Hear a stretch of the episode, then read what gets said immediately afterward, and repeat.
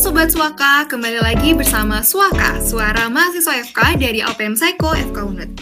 Perkenalkan, nama aku Nadila yang kali ini akan menemani Sobat Suaka untuk sharing informasi yang tentunya bermanfaat untuk kalian dengarkan. Nggak kerasa ya Sobat Suaka, kita udah memasuki bulan Februari aja nih. Perasaan kemarin masih senang-senang main kembang api, eh taunya udah ke bulan penuh cinta. Sobat Suaka, gimana nih perasaannya? Udah dak dukser belum? Untuk ngasih kado ke calon pacar atau gebetannya? Atau mungkin ke mantannya? Tapi kalau buat mantan jangan ya, nanti malah susah move on. Oke Sobat Suaka, pada episode kali ini kita telah mengundang narasumber yang gak kalah keren tentunya. Beliau adalah pemimpin umum LPM Psycho tahun 2024. Mari kita sambut narasumber kita yaitu Kak Andi. Halo Kak Andi, bagaimana kabarnya Kak? Halo Sobat Suaka, keadaanku baik hari ini. Oke, bagaimana nih Kak perasaannya sekarang sudah resmi menjalani tugas sebagai pemimpin umum LPM Psycho tahun 2024? untuk perasaannya menjadi pemimpin umum LPM Psycho, aku juga di sini ngerasain senang di mana aku bisa belajar banyak hal baru, di sini aku juga belajar untuk menjadi seorang pemimpin organisasi, belajar untuk mengatur organisasi.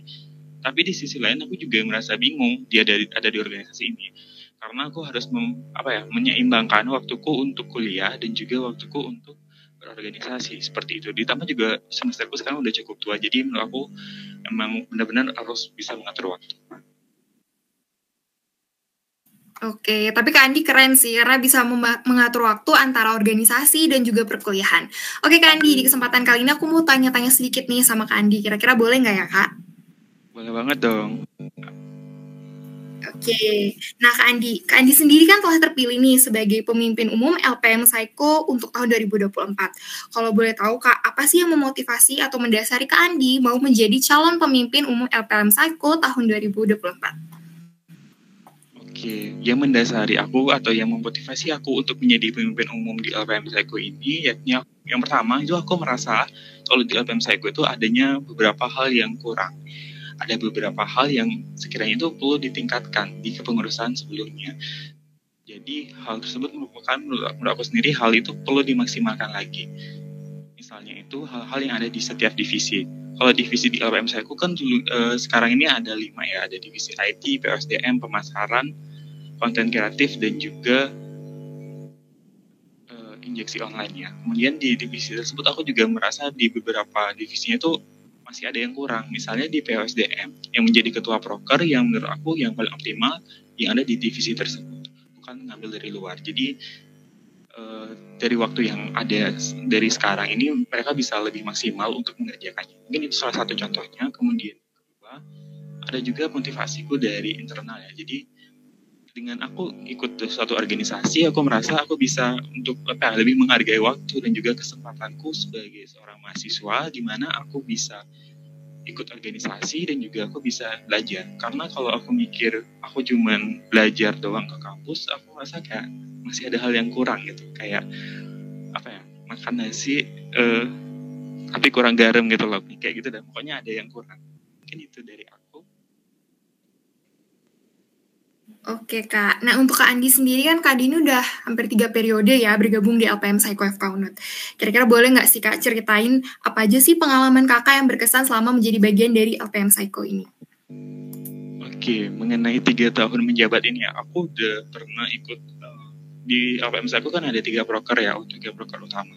Situ aku merasa aku pernah menjadi panitia di keenam broker tersebut. Jadi aku udah tiga kali berturut-turut itu untuk menjadi panitia dari brokernya. Entah itu jadi pertama, pertama kali aku ingat aku jadi ketua broker di mana aku benar-benar uh, aku nggak bisa membayangkan kenapa aku bisa menjadi ketua broker. Tapi menurut aku di situ ada pengalaman yang luar biasa. Aku belajar bahwa di broker rebooting itu namanya 2022 kalau nggak salah itu aku belajar bahwa gimana sih kita menemukan permasalahan, gimana cara kita buat mengatasi permasalahan yang ada di organisasi. Jadi itu belajar untuk kayak bisa dibilang itu kayak buat upgradingnya itu gimana cara meningkatkan dan juga mengoptimalkan.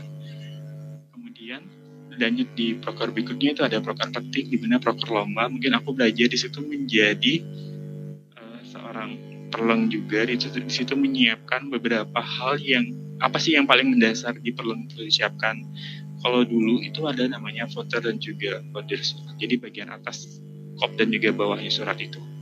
Kemudian juga kalau di Glitik itu belajar mengenai gimana cara kita untuk menggait maba-maba gemes biar mau ikut organisasi. Jadi di situ juga ada tingkat kaderisasinya juga yang di, di apa disusun beberapa hari yang menurut aku bisa nambahin beberapa pengalamanku bahwa di organisasi ini ada tiga proker, kemudian tiga proker itu terdiri dari proker-proker yang berbeda, misalnya petik dengan lomba, rebooting dengan upgrading juga refreshment, dan juga kritiknya itu kayak program magang. Jadi tiga proker ini meski sama, tapi mereka ini punya jalan yang berbeda. Mungkin itu dari aku. Wih, kayaknya dari pengalamannya Kak Andi nih, proker-proker di LPM Psycho nih seru-seru semua ya Sobat Suaka. Nah, berbicara tentang proker dan juga berjalannya organisasi ini nih Kak. Kira-kira dari Kak Andi sendiri, adakah tantangan yang Kakak hadapi selama bergabung di LPM? Dan bagaimana cara Kak Andi untuk bisa mengatasinya? Baik, mengenai tantangan yang aku hadapi di LPM Psycho ini, tantangan awal yang aku hadapi yaitu uh, yakni adanya SDM yang sedikit sehingga membuat beberapa tujuan dan fungsi itu harus dikurangi. Karena mungkin sebelumnya aku mempunyai beberapa ide untuk membuat beberapa divisi baru, tapi hal tersebut mungkin bisa belum bisa diwujudkan untuk di tahun ini karena kurangnya SDM tersebut. Maka dari hal tersebut yang aku fokuskan yakni untuk pemaksimalan setiap proker dan fungsi yang ada di setiap divisi yang ada seperti itu. Kemudian uh, tantangannya itu sendiri juga ketika aku berkuliah ini aku juga akan berorganisasi. Jadi uh, untuk saat ini aku berkuliah mengambil kampus mengajar dan aku di samping sisi lain aku juga harus mengikuti organisasi. Jadi aku harus bisa untuk menyeimbangkan waktuku yang di mana semesterku ini juga sudah termasuk semester tua udah mulai untuk optimalisasi atau mungkin membuat yang namanya skripsi seperti itu. Jadi aku perlu untuk bertanggung jawab pada kedua hal ini dan juga perlu untuk menyeimbangkan waktuku lagi. Nah, Sobat Suaka, ternyata LPM Psycho itu sekeren itu. Jadi makin gak sabar nih untuk kita kulik lebih dalam. Oke, Kak Andi, kita akan lanjut ke pertanyaan berikutnya. Kira-kira menurut Kakak, apa sih yang membuat LPM Psycho itu spesial dibandingkan dengan organisasi lain yang terkhususnya ada di Fakultas Kedokteran Universitas Udayana? Oke, yang membuat LPM Psycho menjadi organisasi yang cukup spesial dibandingkan organisasi-organisasi lain di FK UNED, kalau menurut aku sendiri itu karena LPM Psycho itu setara dengan BEM, setara dengan HM, dan eh, setara dengan BEM, BP dan juga DPN. Jadi mereka tuh adalah LPM Psycho ini adalah LMFK. Jadi kalau dibilang tingkatnya, LPM Psycho sama tingginya dengan BEM, BP dan juga DPM. Jadi kalau dibanding dengan organisasi-organisasi lain, karena LPM Psycho ini juga lembaga pers, jadi dia ini bisa memberikan suatu berita, memberikan suatu kalau dibilang di website itu namanya live report mengenai proker-proker uh, yang ada di FK UNED. Jadi uh, dengan kita tahu dari apa dengan kita melihat dari LPM Cycle kita bisa tahu bahwa di FK itu ada apa aja. Misal ada proker apa aja. Kalau kayak kemarin itu ada proker BKFK, ada proker Yes Natalis dan yang lain sebagainya mungkin bisa dilihat di LPM Cycle FK. Oke, Kandi. Kira-kira bisa nggak sih, Kak, di-spill uh, mengenai kegiatan-kegiatan apa aja yang biasanya ada di APM Psycho? Kayaknya tadi kan udah spill dikit-dikit, tapi kita mau di-spill yang lebih banyak nih. Kira-kira kegiatannya apa aja? Kegiatan-kegiatannya ada di APM Psycho itu sendiri sebenarnya itu ada banyak ya, ada banyak proker dan juga fungsi. Untuk proker itu sendiri di APM Psycho ada tiga proker utama, di antaranya yang pertama itu ada rebooting. Sesuai dengan aku sampaikan tadi, rebooting ini biasanya dilaksanakan di awal-awal kepengurusan. Dan rebooting ini kalau di organisasi-organisasi lain itu bisa disebut sebagai upgrading ya mungkin. Tapi di sini ada refreshmentnya juga. Jadi di rebooting ini berfokus untuk peningkatan dari kemampuan uh, setiap SDM-nya. Jadi di, dicari permasalahan pada suatu uh, divisi ataupun suatu staff apa permasalahannya dan kita akan tingkatkan permasalahan tersebut uh, apa atasi permasalahan tersebut melalui rebooting seperti itu. Kemudian ada yang namanya petik. Petik adalah suatu pekan jurnalistik bisa dibilang ya. Itu sebuah ajang lomba yang ada di LPM Psycho yang berkaitan dengan pers. Jadi lomba ini untuk tahun kemarin 2023 itu ada beberapa lomba seperti news anchor, lomba untuk membuat mading dua dimensi dan juga tiga dimensi. Kemudian ada juga membuat poster dan juga membuat artikel. Jadi di lomba tersebut untuk tahun kemarin itu sangat meriah. Mungkin kalian bisa lihat di Pekan Jurnalistik FK UNUD. Dan yang terakhir itu ada yang namanya proker klinik jurnalistik. Klinik jurnalistik atau bisa disebut dengan klinik adalah suatu program magang yang dibuat oleh LPM Psycho yang bertujuan untuk memberikan suatu bekal kepada calon-calon staf yang akan menjadi pengurus di LPM Psycho. Di situ mereka akan dibimbing dan juga dididik mengenai bagaimana cara mereka untuk membuat suatu karya ataupun suatu tugas-tugas sesuai dengan divisi yang mereka anggap sesuai dengan diri mereka. Seperti itu. Selain itu, di LPM Psycho juga ada beberapa fungsi. Di antaranya yang pertama ini sebagai sebuah maintenance dari WebFK Unut. Dia juga bertugas untuk mengatur WebFK Unut, untuk mengkomunikasikannya kepada pihak uh, pemilik web seperti itu. Kemudian dia juga bertugas untuk membuat live report mengenai satu broker yang ada di FK Unit itu sendiri. Jadi satu broker kita akan datangin dan kita akan lakukan apa uh, beberapa uh, video tayangan mengenai perkara tersebut dan juga beberapa kadang juga bisa berisi wawancara dengan ketua proker ataupun panitia yang berada di proker itu sendiri. Kemudian yang kedua itu ada namanya podcast. Di APM Psycho juga ada namanya podcast yang seperti yang sedang kita buat ini ya, membahas seputar kesehatan, pendidikan, ataupun hal-hal yang sedang uh, trending saat ini seperti itu. Kemudian selanjutnya di APM Psycho juga ada yang namanya membuat artikel yang di mana artikel itu sendiri akan diunggah di website uh, injeksionline.com. Mungkin bisa dicek ya teman-teman. Kemudian artikel itu nantinya untuk bisa kita lihat juga secara uh, bentuk seperti itu kita akan unggah di Instagram Seiko FK juga yang di mana artikel itu akan dikemas dalam bentuk carousel seperti itu. Selain itu, APM Seiko juga bertugas untuk membuat desain kartu ucapan yang di mana kartu ucapan ini akan diunggah oleh seluruh organisasi yang ada di FK Unit seperti itu. Mungkin kalian bisa lihat untuk info lebih lanjutnya mengenai LPM Psycho, mengenai apa yang sudah dibikin ataupun karya-karya yang sudah diciptakan di LPM Psycho itu di Instagram Psycho FK Unit. Mungkin itu untuk kegiatan di LPM Psycho FK Unit seperti itu. Oke Kandi, mungkin teman-teman bisa dicari tahu nih karena banyak banget pokoknya kegiatan yang ada di LPM Psycho. Oke berikutnya Kandi, Kandi sorry banget nih, bercermin dari kepengurusan LPM Psycho tahun-tahun sebelumnya, apa sih inovasi atau warna baru nih yang mau Kak Andi tampilkan untuk kepengurusan yang baru kali ini? Oke, untuk warna baru yang ingin Kak Andi susun di pengurusan tahun ini itu ada yang namanya uh, Kak Andi singkat dari akronimnya itu ada yang, yang namanya fokus yakni uh, yang terdiri dari facilitate, organize, college, upfront dan juga sustain. Facilitate itu artinya di mana uh, LPM Psycho itu bisa menjadi suatu wadah untuk berkreasi dari Kamkasiana sesuai dengan minat dan bakatnya. Misalnya minat dan bakatnya di sini adalah mengatur website, dia bisa masuk ke IT.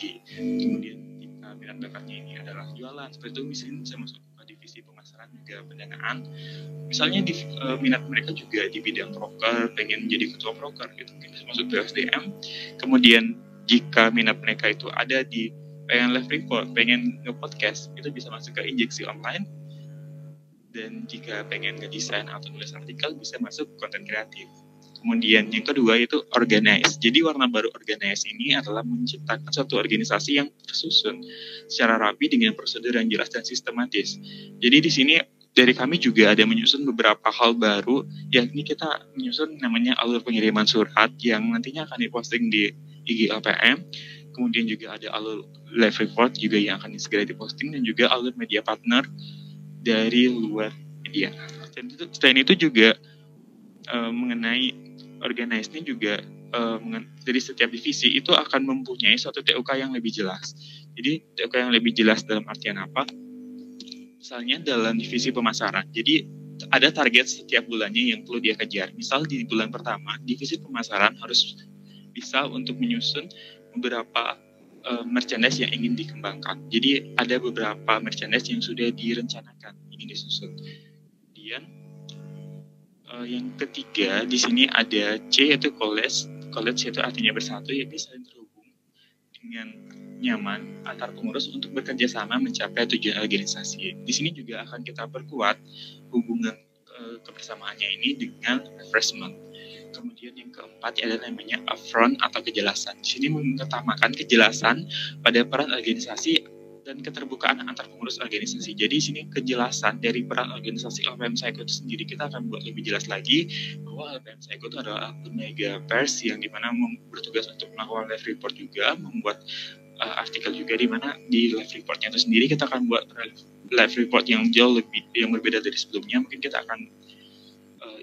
selain menjelaskan mengenai apa itu prokernya kita juga akan ngajak berdiskusi uh, akan isi diskusi-diskusi dengan uh, ketua proker misalnya uh, seperti itu. Kemudian yang keempat ada sustainable ini berkelanjutan yakni sebagai suatu lembaga yang dapat melanjutkan dan memperbarui proker dan juga fungsi yang sudah ada sebelumnya. Jadi proker dan fungsinya ini tidak hanya kita perbarui dengan ngasal seperti itu, tapi kita perbarui dengan diskusi dengan evaluasi yang telah kita lakukan secara bersama. Mungkin seperti itu. Oke, Sobat Suaka salut banget nggak sih sama inovasi dan juga warna baru yang mau ditampilkan oleh kepengurusan kali ini. Nah, last but not least nih Kak, kira-kira apa sih pesan yang ingin Kakak yang Kakak harapkan kepada kepengurusan baru tahun 2024 ini? Oke, untuk pesan dan yang ingin aku sampaikan kepada seluruh pengurus dari LPM Psycho itu sendiri, terutama aku ingin mengucapkan terima kasih kepada seluruh pengurus, baik itu staf, kadif, maupun wakadif yang sudah mau bergabung di kepengurusan tahun ini. Dan harapanku semoga kita bisa bekerja sama untuk menjalankan program dan fungsi kita ke depannya di LPM Psycho FK UNO. Oke, terima kasih banyak nih Kak Andi. Sangat banyak ya wawasan dan juga pengalaman dari Kak Andi. Dah, Sobat Suaka, berdasarkan apa yang disampaikan oleh Kak Andi tadi, di sini kita bisa lihat kalau organisasi LPM Psycho FK Unut ini merupakan salah satu organisasi LMFK yang punya ciri khasnya sendiri. Dan berdasarkan yang diceritakan Kak Andi juga nih, kayaknya LPM Psycho seru banget nggak sih? Selain itu juga LPM Psycho bener-bener kekeluargaannya itu bener-bener kerasa di sini. Jadi diharapkan juga semoga apa yang Kak Andi dan juga teman-teman kepengurusan tahun ini harapkan agar uh, apa yang menjadi inovasi dan juga warna baru yang ingin ditampilkan bisa tercapai sesuai dengan harapannya.